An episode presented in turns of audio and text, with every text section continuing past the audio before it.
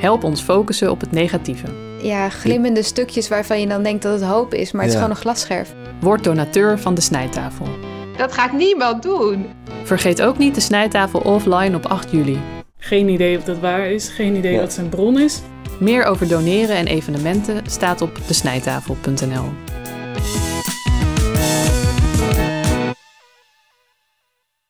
probeert u dat te omzeilen? Je kunt je wel keurig aan de wet houden ehm, en er toch omheen gaan. Vandaag bespreken wij Kijken in de Ziel Rechters. Uitgezonden in 2015. En naast mij zit topadvocaat Ewout Jansen. Dankjewel. En eh, jij bent ook degene die dit onderwerp heeft aangedragen, wat misschien niet zo verrassend is. Ja, al jaren geleden. Al heel lang geleden, ja. Maar, maar, niet eh, 2015, maar... Ik vind het leuk dat het iets ouds is, want ik vind van die tv-onzin dat het recent moet zijn. Ja, ja. Heel veel goed bekeken afleveringen Mhm. waren helemaal niet recent. ja, Ehm, en ja, rechters zijn gewoon niet vaak op tv. ja. En dat is niet toevallig of zo, dat is wel heel logisch. Mhm. Eh, in verband met het geheim van de raadkamer. En nu zijn ze dus wel op tv, namelijk ze worden geïnterviewd door Koen Verbraak. Ja. Op zich is het allemaal heel interessant en zeggen ze ook heel veel verstandige dingen. Wat we nu gaan bespreken zijn vooral de problematische dingen, Ja. natuurlijk. Ja. maar het is al heel veel beter Hm. dan de soort advocaten die, die normaal op tv zijn.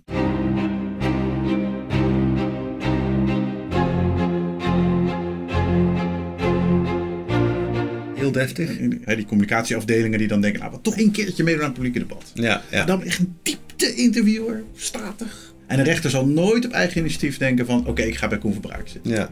Hè, dan Mm. moet echt de Raad voor de Rechtspraak. Het zijn ook met die twaalf rechters. Dus je ziet allemaal vergaderingen. En oké, we gaan Ja, het ja. één keer doen. Met klassieke muziek en zo. Ze zijn aangesteld om de knoop door te hakken. Dat vind ik al Ja, irritant. ja. Want de knoop doorhakken is een dilemma dat eigenlijk niet echt op te lossen is. Mhm. Met een grote klap alsnog zomaar tot een einde brengen. Nou ja, En de rechter is er in feite gewoon om het recht toe te passen. ja. En het strafrecht heeft, als het goed is, vrij duidelijke normen. Hm. Eh, is doodschieten moord? Ja. Het is niet een knoop die je door moet hakken Ja, of zo. ja. Dan moeten we wel zeggen dat het gaat hier niet alleen maar over strafrecht. Hè, want ze zeggen daarna Van burenruzies en ontslagzaken tot verkrachting en moord. Ja. ook civiel. Daar worden meer knopen doorgehakt, maar zelfs daar is het soms Heel duidelijk. Ja, Er is heel vaak gewoon een antwoord en een oplossing. ja, Ook met de typering van het civiele recht heb ik grote moeite. Mm. Burenruzies, ontslagzaken, Ja. hè, gezeur, Ja. zeg maar. Terwijl juist de civiele zaken, daar spelen de grootste financiële belangen, maar ook de meest complexe eh, politieke algemene belangen. Hè. Eh, Doen we genoeg aan het klimaat of zo? ja, en dus ook de meest ingewikkelde en interessante juridische vraagstukken dan. Ja. Dus verkrachting, moord, eh, burenruzies, denk je meteen al, ja, Daar gaan we weer. daar gaan we weer. Rijn de rechter en Sprong. Soms doen ze dat in hun eentje, als politierechter of kantonrechter. En bezwaren strafrechtszaken in een meervoudige kamer. Totale onzin. Hmm. Alsof strafrecht opeens meerdere rechters of zo. Hmm. Civiel doet er ook meervoudige kamers. Hmm. Hoven zijn standaard altijd met drie. Maar hoe komen rechters tot hun beslissing?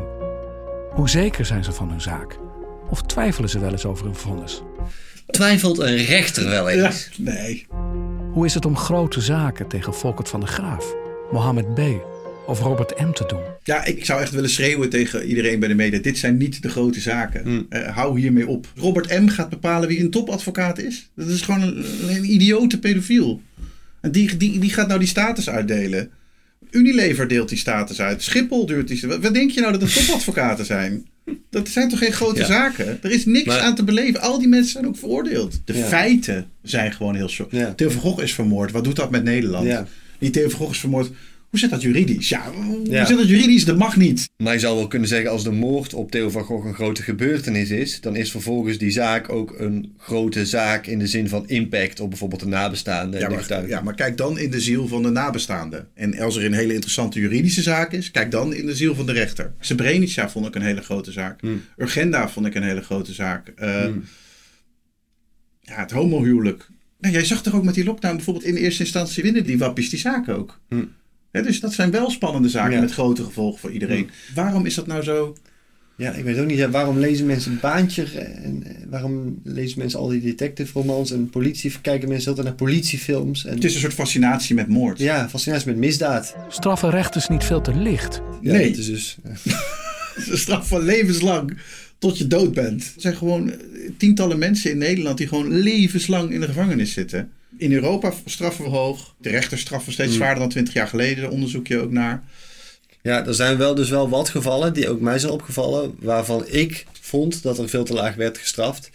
Dat is geen wetenschappelijk onderzoek naar gemiddeldes. Hè, maar eh, wat erg opviel was natuurlijk die, die, die moordenaar van Anne Faber. Die kreeg 12 jaar voor volgens mij een meervoudige verkrachting. En toen was het nog zo dat je automatisch na twee derde deel van je straf ook nog werd vrijgelaten. Dus die werd eh, Dat is nu niet meer zo, hè? Ehm, dat is nu afgeschaft. Hij had niet meegewerkt aan het psychologische onderzoek. En de rechter had daaruit geconcludeerd... dan kan ik hem ook geen TBS opleggen als hij niet meewerkt aan het onderzoek. En daarom kreeg hij 12 jaar. Ja. En dat Nou ja. werd 8 jaar. En, en voordat zijn straf er helemaal op zat, had hij Anne Faber vermoord. Ja, het, het is uiteindelijk wel een groot misverstand. Je kan Mm. en kon gewoon TBS Mm. opleggen. Ook aan iemand die niet meewerkte. Je mag best aan de orde stellen van Anne Faber en het TBS zou je dan. Maar dan, Mm. als je dan wat concreter bent, gebeurt er ook veel meer. Als je zegt van jongens, iemand wil niet meewerken met zijn onderzoek, dat kan natuurlijk nooit betekenen dat hij niet de TBS-kliniek ingaat. Hoe houden ze hun rug recht tegenover de publieke opinie? De rechter mag op zich wel luisteren naar de publieke opinie. Ja. Eh, het publiek met zijn onzin. Ja. Er is net heel veel van dat soort onzin Ja. voorbij gekomen. Ja. Dus je bent zelf eh, Ja, onzin, inderdaad, zou ik ja, zeggen. ja, ja. Maakt het voor de strafmaat eigenlijk uit waar je in Nederland voor de rechter staat? Nou, dat vind ik eigenlijk het kernprobleem van de uitzending. Mm. Wat we straks in de aflevering gaan zien. Ja. En hij eh, benoemt dat probleem in de aflevering ook heel goed. Ja. Dezezelfde stem. Dus het is, het is een Mhm. helemaal terechte vraag. Maakt het uit waar je voor de rechter staat? Mhm. En wat voor invloed heeft het vak op hun eigen leven? En dan gaat hij in één keer door. En persoonlijk. Ja, we willen ook hier weer eigenlijk niet over het recht praten, maar over de persoon. ja, nou heet het programma wel Kijken in de Ziel. Nou, maar het is wel irritant dat steeds die toon van een uitzondering wordt gepakt. Hè? Van nu even kijken in de ziel. Terwijl het is niet zo dat het normaal de hele week op tv gaat over de arresten van de Hoge Raad. En wat het recht nou eigenlijk betekent en zo. We kijken de hele tijd maar mensen in de ziel. En er is nooit ruimte voor inhoud. En er is altijd een excuus waarom dat nu niet kan. En dit keer is het dan misschien de titel van het Ja. programma. De komende zes weken praten twaalf rechters in kasteel Groeneveld in Baren in Kijken in de Ziel over hun vak en over zichzelf. Waarom haalt dit het nou wel bij communicatie? Waarom Ja. is dit nou opeens wel oké? Ja. Vanwege Ja. de klassieke muziek in een kasteel? Ja. In een ja. programma dat zelf volledig al die misverstand onzin bevestigt over Ja. de zogenaamde topadvocaten. Ja. Die rare intro die we net gezien hebben met al die gezichten, die hebben ze gewoon letterlijk gedaan met Wesky bijvoorbeeld. Terwijl Wesky heeft echt de badslap van de eeuw gehad. Die hebben wij eh, al besproken in, in Jinek. Zouden we even een klein stukje terug kunnen spoelen. Wat de rechtbank over haar zegt is gewoon Ja. idioot schokkend. Het Hof den Bosch zegt in een arrest een bijna onontwarbare kluwe van kritiekpunten, stellingen en beweringen. En de vonnis van de rechtbank Amsterdam spreekt van zeer wijdlopig en grammaticaal niet kloppend taalgebruik. En geeft aan dat niet duidelijk is wat Wesky met haar argumenten beoogt. Die benchslap van Wesky die kwam wel, eh, denk ik, later dan, dan dit. Dit is allemaal vrij oud natuurlijk. 2018, ja, je hebt gelijk. Ja. Daar hebben de grote media die ik hoog heb zitten ook heel erg gefaald om dat over te brengen. De NRC, je hoeft alleen maar de kop en het is al helemaal wegge, weggeframed, zeg maar. Mhm. Kritiek per vonnis op een advocaat kan vertrouwen in het proces beschamen. Oh, de message is niet rechtbank uit noodkreet over Wesky. Ja. Nee, eh, is het wel eh, gewenst dat rechters eh, in Ja. vonnissen, de advocatuur, wat? Ja. Wat is het nou voor invalshoek? Die mensen die je steeds maar op het paard tilt als superexperts.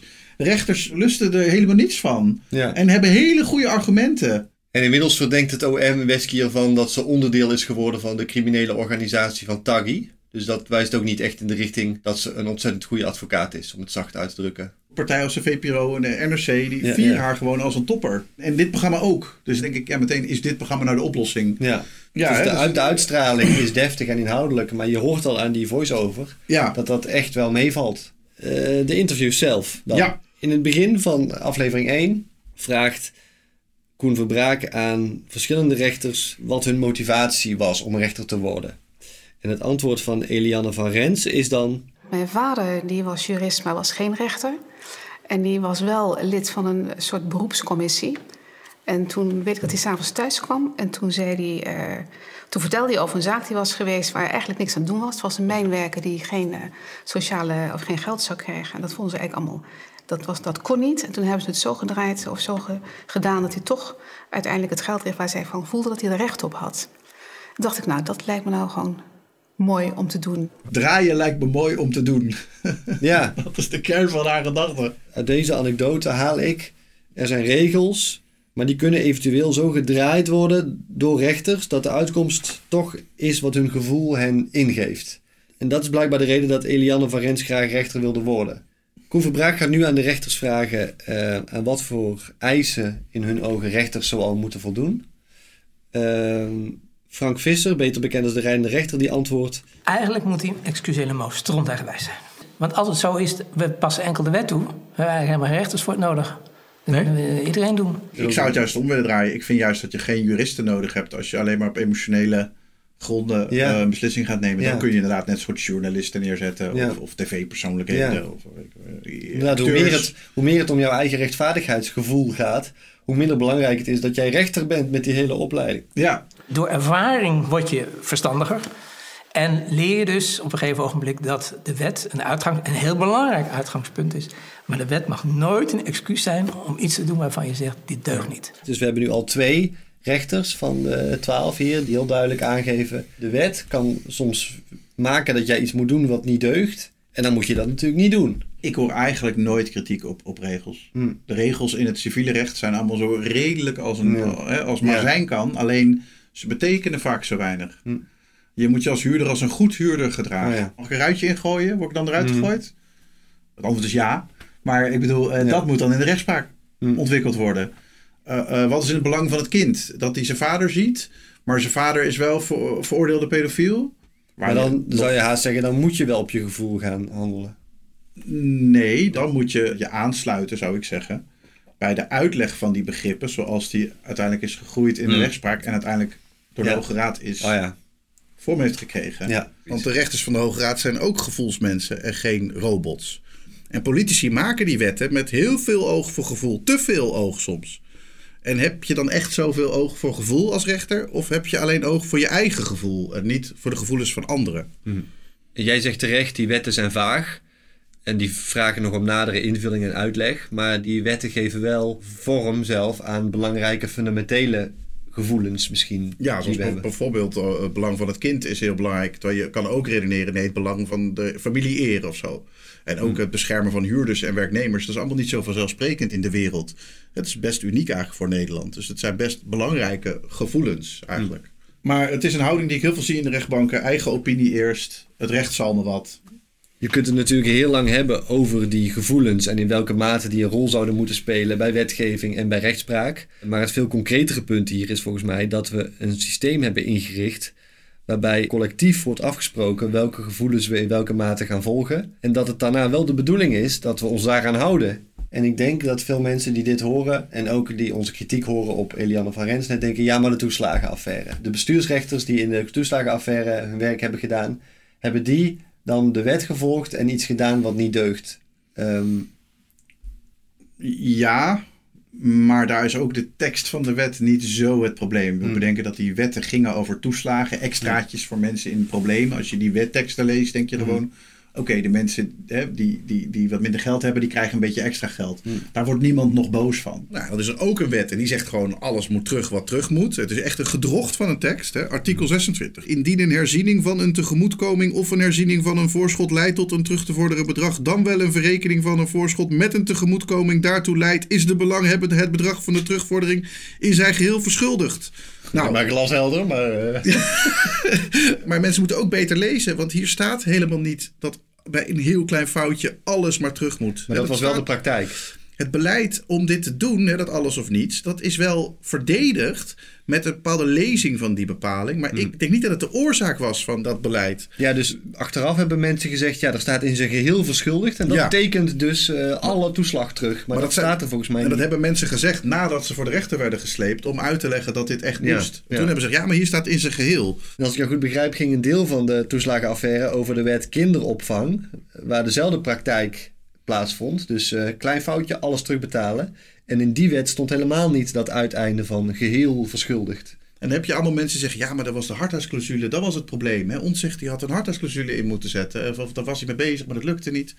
En ja, ik ben het daar gewoon niet mee eens. Je hebt niet in elke wet een aparte hardheidsclausule nodig. Je had ook best het evenredigheidsbeginsel toe kunnen passen, wat ook in een wet stond, waarmee je het weer kon afzwakken. Is uiteindelijk ook gebeurd. Als de resultaten niet goed uitvallen, dan mag je dat op evenredigheid toetsen. Oh ja. en, en dan mag je zelfs je eigen oordeel over de hoogte van de boete in de plaats stellen van het oordeel van het bestuursorgaan. Er was wettelijke houvast om die toeslagenaffaire minder draconisch uit te laten pakken. En hebben de bestuursrechters geen gebruik van, van gemaakt. Ja. Tenminste, niet, niet op tijd. Ja, Eh, en uiteindelijk wel, ook belangrijk om te zeggen. uiteindelijk wel.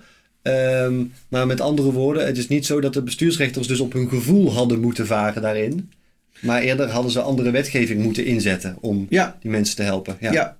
En dat hebben de bestuursrechters verkeerd gedaan. Maar de bestuursrechters zijn ook, ja, de Raad van State, dat zijn de bestuursrechters uiteindelijk. Dat is niet de Hoge Raad. De Raad van State zijn vaak oud-politici. Tom de Graaf, de voorzitter van de Raad van State, is de koning. Mm. Eh, het bestuursrecht is gewoon wel heel anders. Maar is ook steeds kritischer aan het worden. Mm. Maar hier zie je civiele rechters. En civiele rechters die, die hadden nooit van hun leven de toeslagenaffaire gedaan. Want die, Mm. nou ja, wat we net horen, die Ja. gaan gewoon op gevoel daar eh, tegenin. En die zijn soms zo onafhankelijk dat ze een soort random rechters zijn geworden. Verderop in aflevering 1 vraagt Koen Verbraak aan Frans Baudouin. Had u net zo makkelijk eh, advocaat kunnen worden, bijvoorbeeld? Ik ben advocaat geweest, Oh. een paar jaar, Ja. in het kader van de opleiding. Ja. Maar ik denk niet dat ik een goede advocaat zou zijn. Waarom niet? Nou, eh, ik vond eigenlijk twee dingen heel moeilijk. Eh, allereerst eh, was ik niet sterk als het ging om het werven van eh, cliënten, wat natuurlijk een belangrijk element Ja. is. Ik vind het juist niet te moeilijk. Eh, je hebt letterlijk een monopolie. Hè? Dus Ja. jij zou misschien een hele goede advocaat zijn. Kan heel goed argumenteren en zo. Jij mag gewoon niet. Oh ja, dus ja. alleen de mensen die door al die hoepels eh, springen, die, Ja, ja. Die, die zijn advocaat. Dus ja, dus, dus je hebt helemaal niet zoveel concurrentie. Maar het allervervelendste hierin zijn de media die niet doorhebben dat ze zo hard reclame maken voor die mensen. Ik, ik vind een heel naar voorbeeld de NOS vraagt gewoon aan Knoops. Die zaak in Ter Apel eh, tegen de staat. Dat die opvang in Ter Apel niet goed geregeld is. Heeft die kans van slagen? Hmm. Ja, gewoon een strafrecht, jongen. En die zegt dan gewoon eh, ja of nee. En ja, eh, wat denkt de gewone man? Die denkt wel, oké, misschien moet ik die Knoops hebben of zo. Ja, ja. Dat is een topper. En zo werven ze. En een ander punt waarom ik denk ik niet goed geschikt was, was dat ik veel te vaak de redelijkheid van het standpunt van de ander zag. En dat is eigenlijk niet de bedoeling. Wel de bedoeling. Het is ook gewoon verplicht. Het is ook Ja. gewoon een gedragsregel.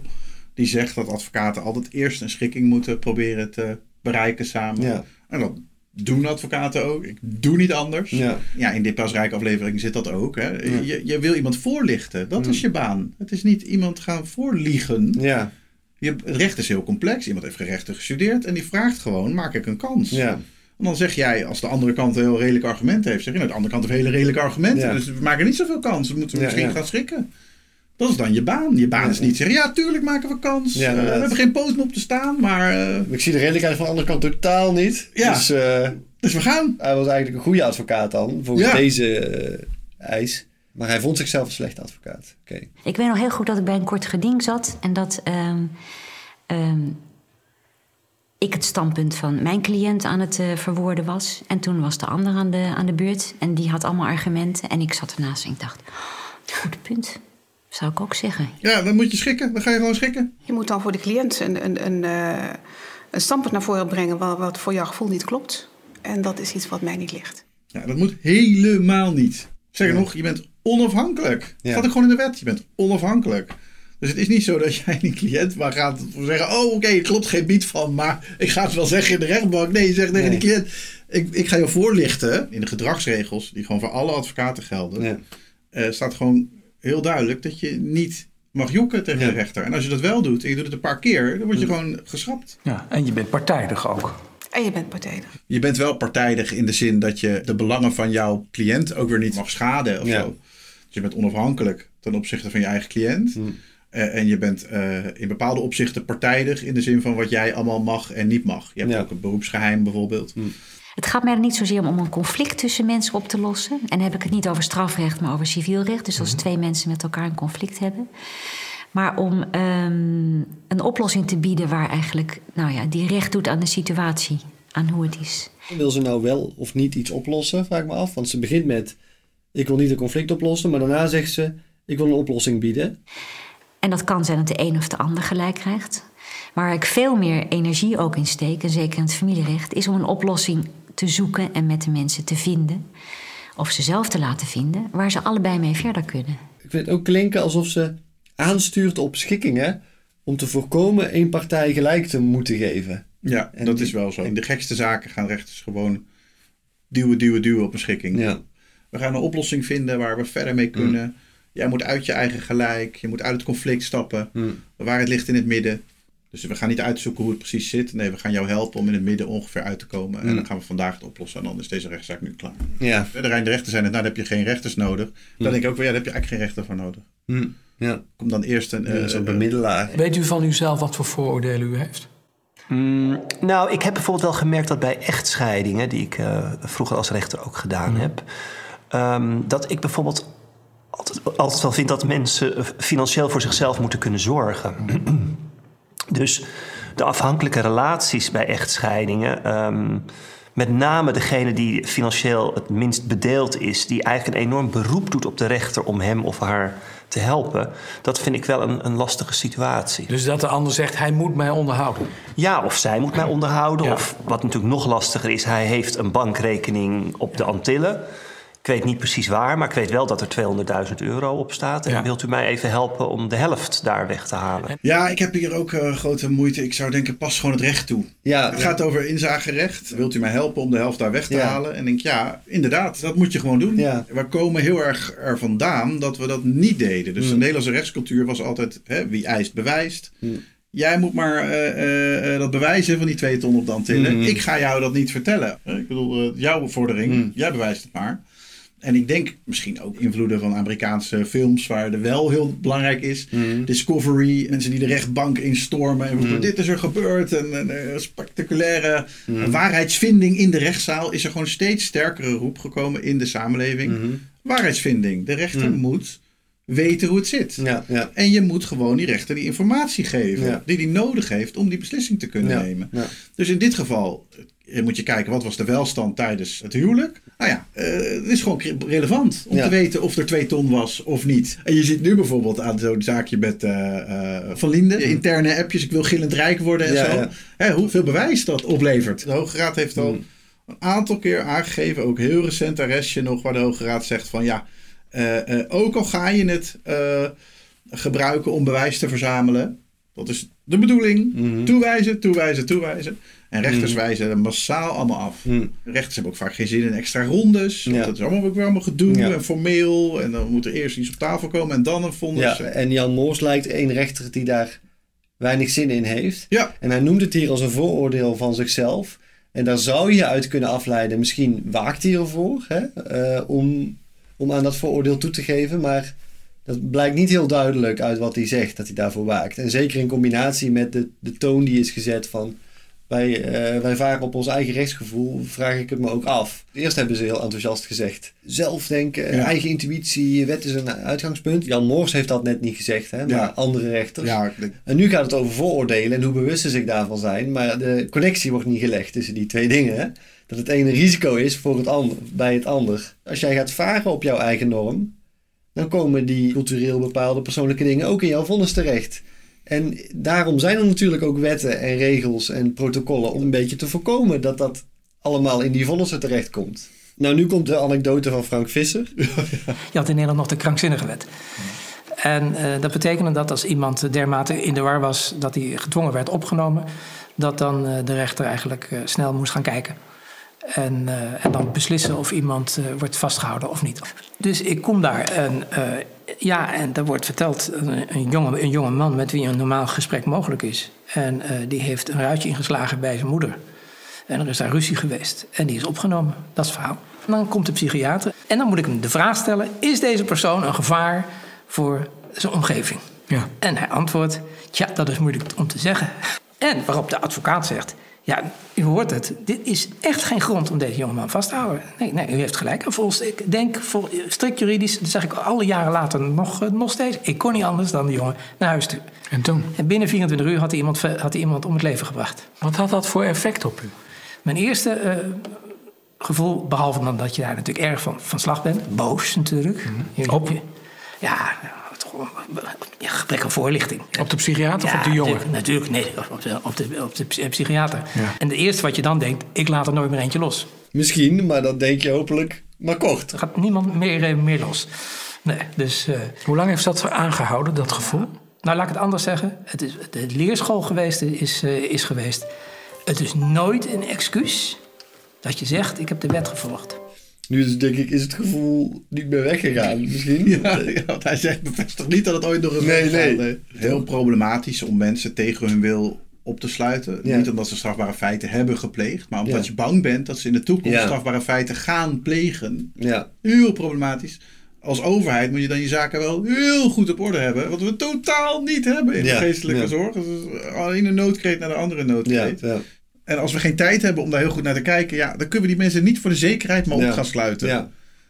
Dat lijkt me geen goed plan. Ik bedoel, ik hoef alleen maar even een kopje van de Volkskrant te laten zien. Mhm. Eh, gearresteerde Russische journalisten vast in psychiatrische kliniek wegens kritiek op oorlog. Mhm. Daar heb ik nooit, nooit bij stilgestaan. Ik dacht, je de wet volgt, doe je het goed.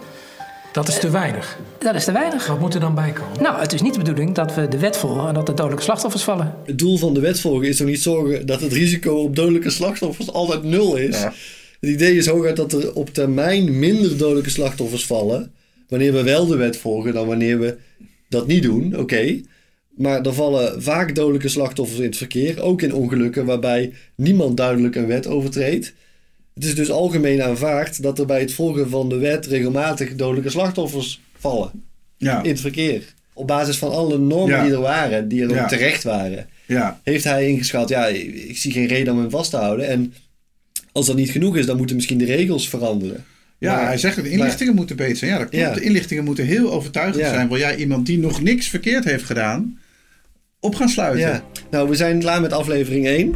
Top. Dan gaan we naar aflevering 2, die heet De Verdachte. Shirin Milani zegt, Ik vind wel eh, dat eerbied voor de rechterlijke macht er moet zijn. zij vindt dat eerbied voor de rechterlijke macht er moet zijn vanuit de verdachte. Eerbied voor de rechterlijke macht is een gedragsregel voor advocaten. Hmm.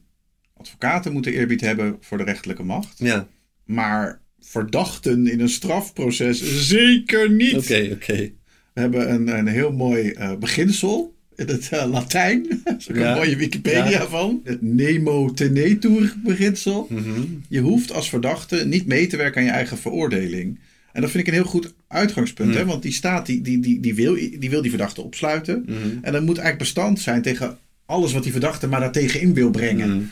Hij hoeft niet mee te werken. Mhm. Dus hij mag ook in de rechtszaal, vind ik, gewoon niet respectvol zijn. Dus ze moeten wel stil zijn bijvoorbeeld, toch? Ze mogen niet overal Ja. maar doorheen gaan zitten schreeuwen. Nou ja, als je er boos doorheen gaat schreeuwen, dan kan dat gewoon komen doordat je onschuldig bent. Maar als je het wel gedaan hebt en je wordt er heel boos op de rechter, dan heb je misschien meer herhalingsgevaar. En dan kan je een hogere straf krijgen. Dus ja, nou ja, mogen, mogen, ja, dat is niet verstandig. Mag hij zijn kauwgom in zijn mond houden? Heb ik wel eens toegestaan, ja. Je vraagt me ook af, ja, is dit nou een regel, kauwgom, of mogen rechters dat individueel maar beslissen of iemand zijn kauwgom in mag houden of niet? Bij de kauwgom geldt dat de rechtbanken zelf huisregels hebben gemaakt. Mhm. eh, die heel erg doen denken aan het bordje bij het spetterbad. Waar wij een hele aflevering over hebben gemaakt. Ja. Dat vind ik toch wel heel problematisch en heel opvallend. Dat de rechtbanken een serie regels produceren. Waarvan volstrekt onduidelijk is wat de status is van die regels. Ja. Wat er gebeurt als je ze overtreedt. Eh, wat- en ook de hele term huisregels. Ja, Mm, mm. Dat lijkt me vrij zachte regels. Dan maar Ja, als je het gaat lezen. Ja, ik vind het ook heel... Het zijn nog net geen spelregels. Ja, wat verboden is bijvoorbeeld het gebruik van alcohol, verdovende middelen. Ja, dat lijkt me wel, ja. Maar ook wapens en explosieven.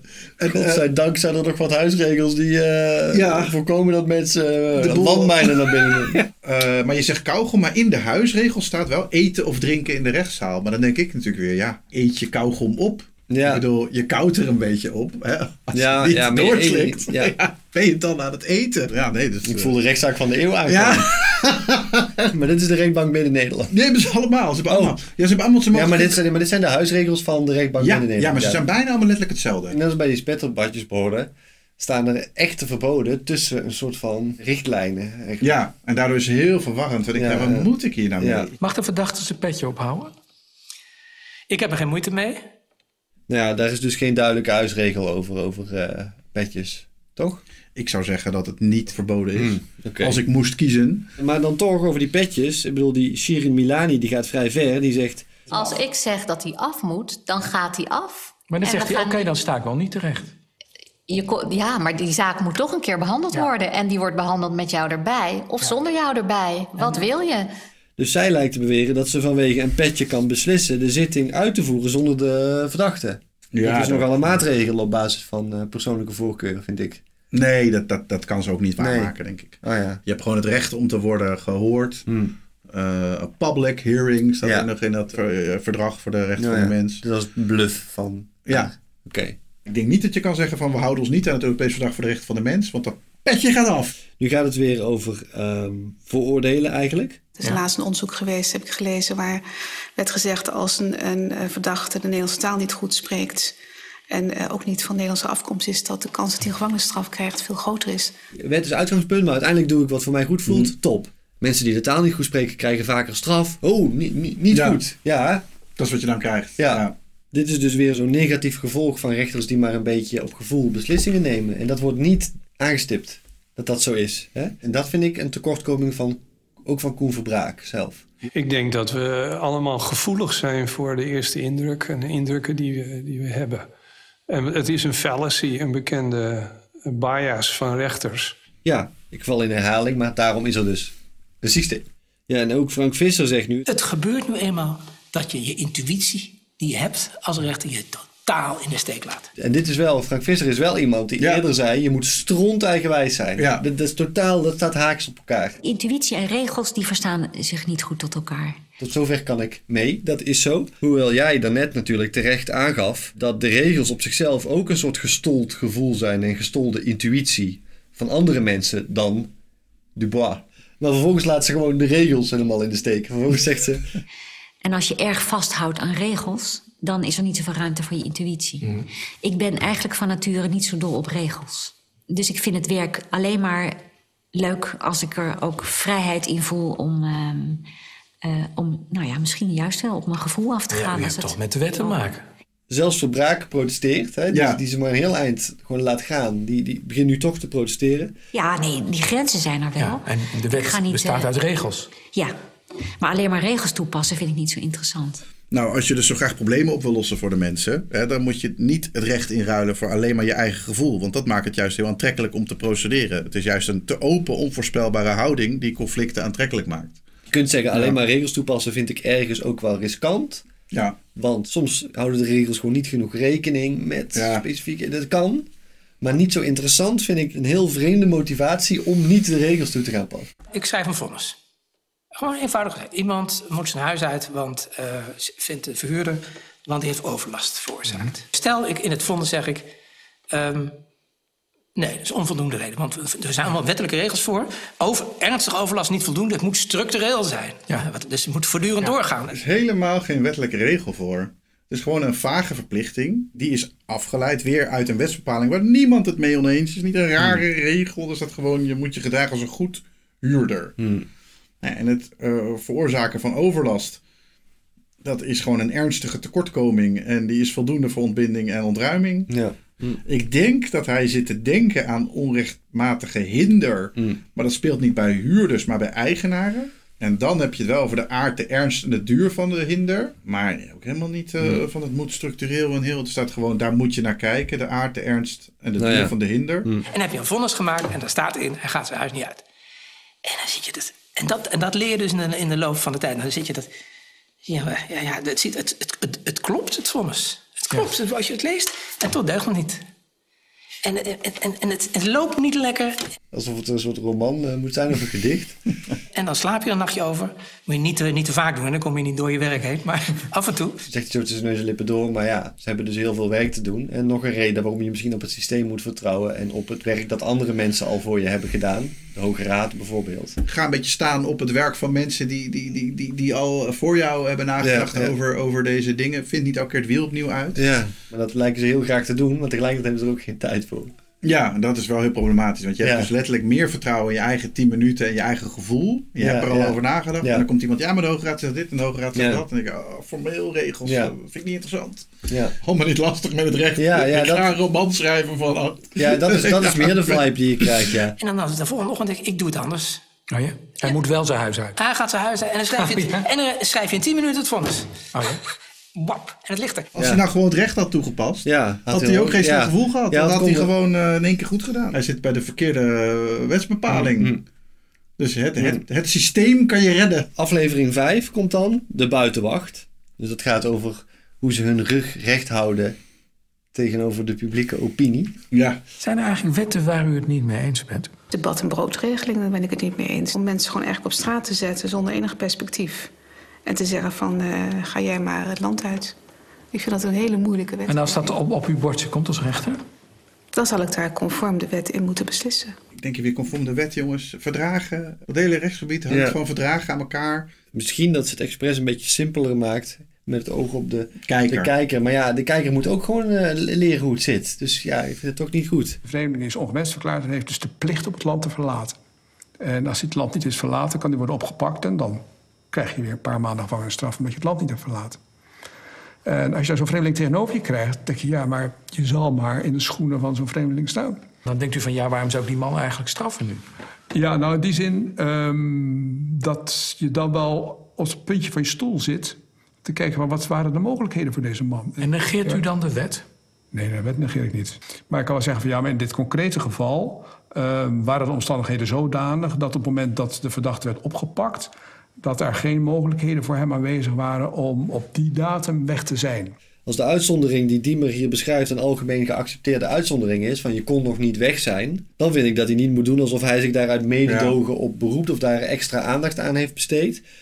En als hij de uitzondering min of meer, als hij die wel er een beetje bij de haren bij gesleurd heeft, en het is nodig dat rechters dat doen om het vreemdelingenbeleid een beetje humaan te houden, dan vind ik het heel zorgelijk dat dat nodig is. Dat we een Martin Diemer moeten hebben die even goed gaat kijken. Hij vindt gewoon die regel niet eerlijk. Ja, dat is een Ja. beetje zoals in het begin, hè? Van zo gedraaid, dat is toch eh, een trucje of zo. Ja, hij zal Ja, misschien zeggen diplomatiek of zo. Ja, ja. Het is eh, eh, Ja. vlees nog vis. En Ja, iemand ja. die eh, echt zegt van, wat doe jij nou? Ja, je bent een soort Schindler's List-achtige. Ja. Eh, dus hopelijk wordt dit niet eh, eruit gehaald. En Ja. ziet niemand dat ik hier eigenlijk exact heb gedaan. Maar hij zegt wel weer op tv. Ja. Dat doe ik gewoon. Als ik laatst hoorde bijvoorbeeld over een omgangsregeling voor grootouders. Als die grootouders dus al geen eh, contact hebben met die kinderen, dan is er dus iets aan de hand. En als je die kinderen dan verplicht om naast hè, die omgangsregeling die er dan bij die ouders is, en dan zeg je, zo'n kind moet dan ook naar die grootouders. En als die grootouders ook weer gescheiden zijn en allerlei nieuwe relaties, dan, hè, dan wordt zo'n kind eigenlijk een speelbal. Ik vind het een vreemde opmerking. Ik ben het heel erg eens met de Europese rechtspraak. Hier het systeem. Hmm. Ja. Weer op basis van een vaag begrip. Hè? Mensen hebben recht op family life. Mhm. Nou ja, Ja. dat is hartstikke vaag. Ja. Dat is family life. Maar ik vind eigenlijk best wel mooi dat ze gezegd hebben... ja, family life kan van alles zijn. Ja. Hm. Nou, ik vind heel goed open norm. Als we het hebben over open... Het moet open zijn voor de Mhm. omstandigheden van het geval. Naar een rechtvaardige uitkomst. Wat nou als jij altijd maar bij opa en oma was? Ja, Jarenlang. En dan opeens eh, je, je moeder die is eh, weer, eh, afgekikt of zo. Ja. Die zegt ja, naar mij. Terwijl jij denkt, ja, sorry, maar ik zit nou al weet je, ja. tien jaar bij, bij in dit... ik, ik wil hier gewoon blijven. Kan ook de positie zijn van het kind, hè. You don't know. Ja, ja. Maar in ieder geval, het gaat erom dat je dus een kind niet zomaar uit zijn veilige omgeving Ja, trekt. En dat Mm. kan ook een opa zijn, maar dat kan een hele bonte stoet aan mensen kunnen family life krijgen. Mhm. Maar het is wel heel uitzonderlijk. Ja, waar is zij nou zo bang voor? Hm. Ze ziet het meer als een recht van die grootouder om te zeggen dat kind moet hier komen. En, eh, terwijl het niet in het belang van het kind is om naar die grootouders te gaan. Nu kunnen die grootouders wel in theorie eh, aangeven van... hé, hey, ik, ik, ik heb family life met dat kind. Maar Ja. dan zullen ze die rechter moeten overtuigen... dat ze een soort band hebben met Mm. het kind... die vergelijkbaar is met een ouderrelatie. Oh ja, oké. Is het nou toeval dat het steeds net niet helemaal klopt Ja. inhoudelijk? En is het nou toeval dat als je uit gaat zoeken hoe het klopt... dat het ook qua gevoel eigenlijk best goed zit? Ja, ja. En dat de zorgen die jij allemaal hebt Op je gevoel. op je gevoel... Ja. dat er eigenlijk helemaal geen goede reden voor is. Ja. Is dat nou keer op keer toeval? Of zit het systeem gewoon wel ietsje beter in elkaar dan je denkt? Dan zeg je misschien ietsje te snel. Het systeem klopt allemaal niet. Oh god, het wordt inderdaad. ingewikkeld. Ja, nu gaat het over eh, taakstraffen. En dat er op een gegeven moment een wet is gekomen die zegt: je mag niet twee keer een taakstraf opleggen. Niet als iemand al voor hetzelfde feit de afgelopen vijf jaar een taakstraf heeft gehad.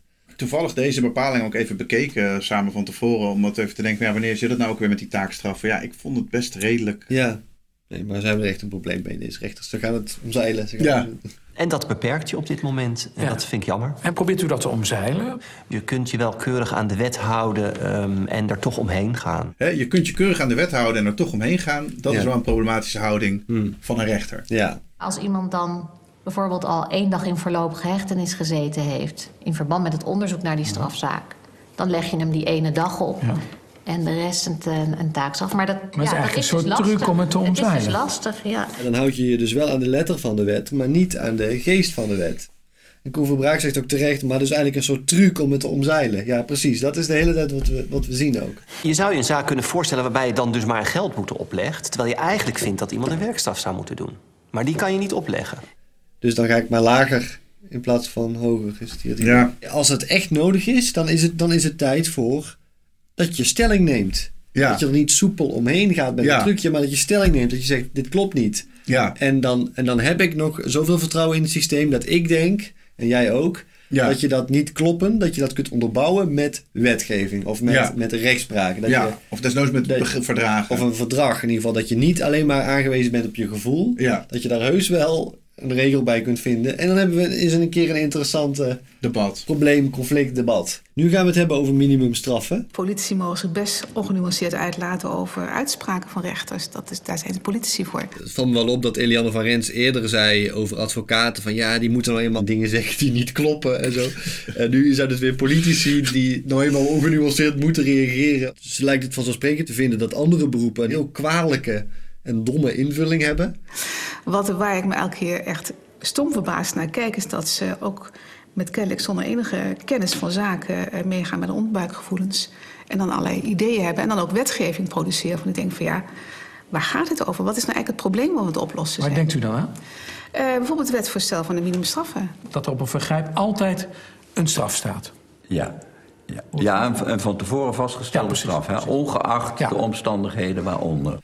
Ongeacht de omstandigheden waaronder. Dus als iemand mij op een gevaarlijke manier eh, tegemoet komt en ik verdedig me en ik bezeer die persoon daarbij, dan zegt de rechter: Ik kijk niet naar de omstandigheden. Het maakt me niet uit dat het noodweer was. Jij hebt die ander op zijn hoofd geslagen, die ander ligt in het ziekenhuis. En dat is twee jaar, minimaal. Het voorstel is niet om noodweer af te schaffen. hè. Ja. En noodweer, er staat gewoon niet strafbaar is hij die een feit begaat geboden door de noodzakelijke verdediging van eigen of een anders lijf. Eerbaarheid of goed, best breed hè. Ja. Tegen ogenblikkelijke, dus dat betekent meteen Mhm. wederrechtelijke aanranding. Ik vind het wel heel overdreven om als je zegt van nou, hè, er moet een minimumstraf komen en er is nu alleen maar maximumstraf. Ja, ja. Om dan te zeggen ja, dan zijn ook alle strafuitsluitingsgronden weg. Dat is Ja. gewoon niet waar. Ja. Nou durf ik niet meteen te stellen, Baudet schildert hier de minimumstraffen expres akeliger af dan ze zijn. Misschien drukt hij zich gewoon wat slordig uit. In ieder geval is het wel in het voordeel van tegenstanders van minimumstraffen, waaronder Baudet, dat leken gaan denken dat met het invoeren van minimumstraffen ook de strafuitsluitingsgronden weg zouden zijn, wat niet echt zo is. Het zou gewoon betekenen dat hij minder vrij is bij uiteindelijk de straftoemeting. Maar dan ben je al aan het straftoemeten. Dus dan, dan ben je al een heel eind. Ja, en nu blijkt dat de andere rechters daar ook moeite mee hebben. Hè? Dus dan zegt eh, Sebastian Hermans... Ik vind een van de grootste eh, verworvenheden in Nederlandse strafrecht dat die er juist niet zijn. Je hebt een minimum van nul en een maximumstraf per delict. En eh, de, eh, ja, de rechtbank kan daarin dus maatwerk leveren. Ja, maatwerk is random werk. Ja. Dus het is ook heel goed, maatwerk, fantastisch. Ja. Maar het is ook heel random. Het is een beetje eufemistisch om altijd maar te zeggen... Ach, wat is dat toch mooi, hè, maatwerk. Ja. De omstandigheden van het geval. De ene keer wel, Ja. de andere keer niet. Ja, dat is ook een beetje hoe staat mijn pet. Ja, Heb ik lekker geluncht? Ja. Eh, voel ik me vandaag? Ja. Eh, maatwerk. Ja, ja, nou en- ja, oké. eh, En, en, en die term gaat vaker vallen, hè? want nu ben die viervijzer weer. Het is maatwerk. Het gaat niet alleen om het afvinken van een lijstje. Weer dat dédain van afvinken Ja. van een lijstje. Maar dat is ook heel slecht om op die manier met de Hoge Raad om te gaan. Hè? Die geven allemaal dingen aan waar, hè, die belangrijk zijn voor zo'n afweging. En soms zie je inderdaad rechters die dat, dat braaf opschrijven. Ja, we Ja. moeten hier naar kijken, we moeten daar naar kijken, Ja. we moeten zo naar kijken. Nou, dat hebben we nou allemaal gehad. En nu gaan we gewoon random. Ja, en dan gaat hij naar Frank Visser, die reageert anders. Het is de taak van de wetgever om de strafmaat vast te stellen. En als de wetgever het een goed idee vindt om minimumstraffen in, in te voeren, dan heeft de rechterlijke macht dat maar uit te, uit te voeren. En hebt u dat maar te doen? Ja? Inderdaad. Ik denk tegelijkertijd ook, hoe strookt dat met stond eigenwijs zijn en de wet alleen als een uitgangspunt zien? Want nu Ja. zegt hij eigenlijk, de wet moet je gewoon aanhouden. Ja. Dus, maar ik ben het wel met hem eens. Wat ik me wel afvraag is, vindt hij dit nou omdat hij de scheiding der machten zo respecteert? Of is hij vooral een voorstander van zwaarder straffen? Want dat maak ik op uit sommige andere dingen. Ook dat, dat vonnis dat hij ineens zegt schrijft van hij moet wel Ja. eh, zijn huis uit. En, eh, Laat er nooit meer één vrij. Misschien vindt hij het gewoon wel fijn dat er een minimumstraf komt. Maar Martin Diemer niet. Nee, daar hou ik onmiddellijk mee op. Het is voorstelbaar, ook bij een moord en doodslag, dat de omstandigheden zodanig zijn. Dat je denkt, oké, u heeft het gedaan, het is te vreselijk voor woorden, maar in deze specifieke omstandigheden ehm zeg ik schuld zonder straf. Of eh, weet ik veel. En hier worden dus weer de strafuitsluitingsgronden niet genoemd. En heb ik opnieuw de vraag, ja, is het per ongeluk of expres? In ieder geval is het heel erg in het voordeel van de tegenstanders van minimumstraffen, waaronder hij. Wat is nou zo erg dat Ja. je geen Ja. enkele straf wil geven? Ja. Maar goed, als de minimumstraf dan hoog Te ligt, hoog dan is het ligt, te ja. hoog. Kan, maar ja, dat is toch niet zo'n heel principieel argument. Want het hangt er ook vanaf hoe hoog is die minimumstraf dan? Ja, we moeten gewoon meer informatie hebben. Maar ik vind dat ze nu al eh, alleen maar op het concept eigenlijk gaan ze helemaal af. En echt niet omdat ze het zo concreet hebben gemaakt. Gewoon onze vrijheid wegwezen. ja inderdaad. van, is blijf gewoon af heel van primair. onze, van onze vrijheid. En je, eigenlijk heb je helemaal niet die vrijheid. Ja, ja. Je bent gewoon democratie, je bent maar geen democratische legitimatie. Nee, namelijk. inderdaad. Dat recht moet je hebben, want dat is nou rechtspraak op maat gesneden. Op maat gesneden, daar is het weer. Ja. En dan eh Rinus Otte. Het woord minimumstraffen, dat leidt bijna tot een, een soort allergische reactie bij rechters. Maar de begrenzing, zo zouden we het moeten verwoorden... de begrenzing van de ruimte die de rechter heeft... die heeft, vindt al sinds jaar en dag plaats. En waarvan ik vind dat het a priori op de weg van de wetgever ligt om dat te doen. En dus heb ik er ook niet zo moeite mee. Ja. Eh, dit is toch hoe het zit, denk ik. Ja. Nu gaat het even over het eerste proces tegen Wilders, waarin hij uiteindelijk is vrijgesproken. Verbraak zegt tegen Jan Moors. U zei hè, in het begin tegen Wilders van... u wordt wel- nog wel eens verweten dat u goed bent in het poneren van een stelling... maar de discussie uit de weg gaat. En het lijkt erop dat u dat nu ook weer doet. Wa- Was dat handig? Wat ik daar in ieder geval mee wilde bereiken is. ehm, ehm, er wordt u iets verweten en ehm, wilt u dat toelichten? Ja. Eh, want, Want eh, hij als beriep zich op zijn zwijgrecht, Ja, hij beriep zich op zijn zwijgrecht. Overigens, dat mag. En, eh, eh, eh, voor de duidelijkheid, misschien was dat juridisch gezien ook wel een juiste keuze in dat proces. Misschien was dat juridisch gezien ook wel een juiste keuze in dat proces. Altijd negatief, hè? Juridisch. Nee. Ja, inderdaad. Juridisch is negatief, ja. Juridisch, maar Ja. dan sta je niet voor je zaak, vind ik. Jij staat voor alles wat juridisch is. Ja. En dan zegt hij, maar ik vind... Maar ik vind wel dat, dat het strafproces, maar ook de andere eh, processen die wij tegenwoordig doen, ook het civiel, het bestuursrecht, daar, ga- daar is die zitting voor het gesprek, voor de discussie. Hij vindt dat zwijgen niet goed en dus levert hij kritiek op tijdens de zitting. Maar het is een recht. Discussie is ook helemaal niet het strafrecht. De verdachte hoeft niet leuk Ja. mee te doen. Nee. En helemaal niet iemand die beschuldigd wordt van fout denken. die hoeft niet nee. leuk mee te doen. nee. Het moet niet beperkt worden tussen. eh, tot ik luister wel even naar u en naar u en dan, dan hoort u wel wat de beslissing is. Ik luister wel even naar u en naar u en dan hoort u wel wat de beslissing is. Ik denk, is dat niet precies wat het wel hoort te zijn? Het is grappig dat de rechter dit soort dingen zijn. Maar ik zie Ja, het ook ja. heel vaak op, op, op, op, op zittingen dat die rechters dus zo'n gekke beeld. Dan zitten ze in die jurken. Op die, ja, toch een beetje tronen.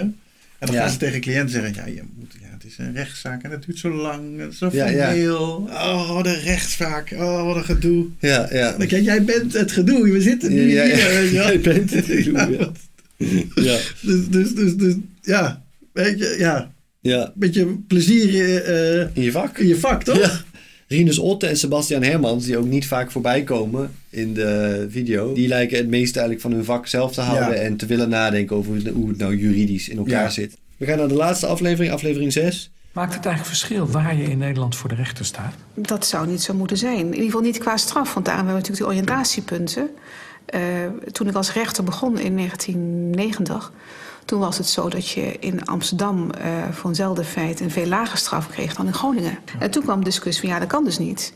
Dus vandaar dat men is gaan praten over die oriëntatiepunten. Van voor dit soort feiten of dit soort delicten moet je denken aan dat soort straffen. Nou, ik vind het gewoon grappig als je die oriëntatiepunten kun je iedereen aanraden. Lees het even, vooral die inleiding. Ja. Die is zo van, dit zijn niet bindende uitgangspunten die kunnen inspireren. Dus rechtseenheid Ah, is man. super optioneel. Ja. Wat dat betreft. Maar het maakt dus verschil, meneer Otto, als ik een moord zou hebben gepleegd... of ik in Groningen, of in Arnhem, of in Den Bosch of in Den Haag voor de rechter sta. Meneer Verbraak, het maakt zeker verschil. De een zal u 10 jaar geven, de ander maar geeft u 18 jaar. Dat zou zomaar kunnen. Maar dat, dat vind ik een hele angstige gedachte. Want ik denk, de rechter is gewoon de rechter. Die is overal hetzelfde. Maar dat is het dus niet. Gelukkig niet. Gelukkig niet. Dus dat is weer een verheerlijking van de individualiteit van de rechter, die zelf mag kiezen wat hij doet. Ik vind het wel vreemd, want Rinus Otter was ook iemand die net zei: de wetgever mag de beslisruimte van de rechter beperken. Dat vindt hij wel. Ja, Maar hij is er wel blij mee dat die diversiteit er is. Ja, ik, ik, ik, ik heb heel erg de vraag, hebben we überhaupt een hoge raad in Nederland? Ja. Deze mensen noemen de Hoge Raad niet één keer. Nee, nee. En als je gewoon op de website van de Hoge Raad kijkt naar de, bij de taken... en dan zegt de Hoge Raad toch... ja, wij leveren als hoogste rechter een belangrijke bijdrage... aan een uniforme toepassing van het recht. Door zijn rechtspraak kan hij ervoor zorgen... dat verschillende lage rechters in het land juridische regels... op dezelfde manier uitleggen en toepassen. Ja. Dit bevorderen van de rechtseenheid is belangrijk. Het zou onwenselijk zijn wanneer de rechter in Amsterdam... een bepaald juridisch begrip stevast anders uitlegt dan de rechter in Rotterdam. De wet moet voor iedereen die in vergelijkbare omstandigheden verkeert hetzelfde zijn. Rechtelijke beslissingen worden ook voorspelbaarder wanneer rechters in het hele land dezelfde lijn volgen. Daarmee wordt een bijdrage aan wat men noemt de rechtszekerheid. Punt. Dat klopt niet. Maar goed, oké. Rechtseenheid. Ja, jongens. Ja, wel volgens de website van de Hoge Raad. Ja, en we hebben het allemaal over de Supreme Court. En mensen kunnen zelfs allemaal mensen noemen die in de Supreme Court zitten. Of Ja. niet hadden moeten zitten. Of misschien Mm. zitten of zo. Mm. Maar we hebben in Nederland natuurlijk ook allemaal eh, eh, grote eh, uitspraken. Ook over abortus en, en homohuwelijk en eh, eh, Ja. agenda en klimaat. En allemaal de Hoge Raad, jongens. Ja. En hier gaat het natuurlijk weer over straf. Dus ik vraag me af, en dat wou ik nog aan jou vragen. We hebben natuurlijk die oriëntatiepunten wat betreft strafmaat. Geeft de Hoge Raad nou ook in arresten soms eh, richting aan de strafmaat? De Hoge Raad zorgt voor eenduidige uitleg van begrippen in wetten. Hmm. Hè? En ja, Ja. Dat, die strafmaat is een beetje een, een sprong. Ik bedoel, er staat meestal gewoon maximum en dan staat er iets heel hoogs. Dus daar zijn meer die oriëntatiepunten voor. Nou ja, Rinus Otte is hier blij dat er Ja. geen rechtseenheid is. En dat vind ik dus En- iets breder dan strafmaat. Ja. En ik denk niet dat je kan zeggen, ja, Rinus Otte zegt, nee, normaal, je heeft de hele dag Hoge Raad te kijken, maar voor die strafmaat Nee. daar niet. Nee, dit is dat waarschijnlijk een typerend, typerend voor hoe hij erin zit. Ja, maar de, de, de Hoge Raad zorgt gewoon dat die, die eh, soms hele open normen, zoals goed huurder, eh, dat die uitgelegd worden Hmm. Ja. op een eenduidige manier. Ja. En ik vind wel problematisch als je kijkt naar hoe ze dat zelf zeggen. Ze hebben zelf een informatievideo gemaakt. Mhm. En daarin zeggen ze eh, allemaal tegelijk eh, het Rechtsontwikkeling. rechtsontwikkeling. Als je één ding moet onthouden van dit filmpje, dan is het dat de Hoge Raad heel belangrijk is voor de rechtsontwikkeling in Nederland. Maar eigenlijk vind ik zouden ze ook gewoon moeten zeggen rechtseenheid. Ja. En als je al die uren met de rechtsers gaat praten en zoveel afleveringen en zoveel rechters, Ja. ja, dan verwacht je dat die mensen het hebben over de Hoge Raad. Ja, ja. Want dat moeten ze doen. Ja. Ze moeten zorgen dat er eenheid zit. Ja. En die eenheid wordt bepaald door de Hoge Raad. Ja. Dus het is niet de wet, de wet, de wet, mijn gevoel, mijn gevoel, mijn gevoel. Nee, Nee, nee. Wat zegt de Hoge Raad en waarom? Ja, En ben ja. ik het daarmee eens? En ik deel de verontwaardiging van Verbraak hier eh, ook. Ja. Van, hè, hoe zit dat zo? En in het algemeen lijken deze rechters de gevaren van uniformiteit veel scherper te zien Ja. dan de gevaren van diversiteit. En deze uitspraak van Otte is daar een hoogtepunt van. En het belang van uniformiteit vond ik wordt goed uitgelegd in dat tekstje van de Hoge Raad dat jij voorlas. Ja. Ik vind het toch wel een belangrijk verschijnsel, de random rechter. Hm. Je lijkt toch een beetje te denken dat je de laatste gevoelsmens bent, terwijl je in een systeem zit vol met andere gevoelsmensen. Het is toch vrij schaamteloos om Hm. op tv dat, eh, dat gewoon te gaan vieren eigenlijk. Hm. Ja. Eh, dus dan, dan zit het wel diep. Ja, kijk, jij kunt zeggen je ziet het vaker bij Ja. rechters. En ik kan zeggen ik zie het vaker overal. Ja. Die houding van eh, ik vertrouw het systeem niet echt. En de, en de en regels, nou ja, bij de spetterbadjes hadden we het erover. Ja. Minder regels. Ja. Noem het maar spelregels, want mensen houden... huisregels. Zet er eentjes voor, eh, huisregels. Maar toch liever geen explosieven, maar... Ja. Die hele de afkeer van het systeem, afkeer van regels, afkeer van protocollen, afkeer van juridisch. Ja, en misschien moet ik ook En- wel daarbij zeggen, toch ook wel de afkeer van de Hoge Raad. En dan in de zin van autoriteit. Ja, misschien zijn we gewoon als samenleving ook gewoon een beetje minder autoritair. Ja, ik denk, ja, dat zal de Hmm. Hoge Raad wel zeggen. Maar Ja. het gaat om wat ik van diep van binnen voel. nou ja, en het is ook niet verbazingwekkend dat in deze tijd het boek De meeste mensen deugen een grote hit is. Hè? Want de mensen zelf. Ja, die hè, deugen. Die deugen. Ja. En, Systeem. en als regels en protocollen de Ja. samenleving gaan overheersen, schrijft ook Rutger. Bregman, Ja. dan gaan er enge dingen gebeuren. Ja, je hebt juist zo heel erg na de Tweede Wereldoorlog natuurlijk wel dat debat van hè, het Duitse recht was ook recht. Ja. En eh kun je wel zeggen, ja, ik volg de regeltjes. Nou, dan zit je lekker, eh, Ja. dan ben je een natierechter. Ja. Hè? Maar eh, dat debat is wel grotendeels opgegeven door het Europees Verdrag voor de Rechten Ja. van de Mens, waar heel veel van die, ja, van die kernproblemen van Ja. natierecht eigenlijk worden opgelost. Door te zeggen, ja, je moet een eerlijk proces hebben. Met een openbare hoorzitting en een onafhankelijke rechter. En je hebt al het recht op family life. Hm. En nou ja, een heel verdrag vol met Mhm. allerlei waarborgen. Ja. Wat ook nog uiteindelijk zelfs boven de grondwet gaat. Ja. Als je hebt over journalisten in de gevangenis en zo. Mhm. Of als je echt zegt, ja, de vrijheid van meningsuiting wordt ingeperkt. Ja, we hebben dan wat aan. Het Europees Verdrag voor de Rechten van de. Mens. Daar heb je dan wat aan. Ja, dus regels, een ander systeem. En zoals ik in onze bespreking van het koningsinterview zei, hè, ik vind het niet kunnen dat de koning deze macht heeft, dat hij een, kan kiezen om een wet niet te ondertekenen.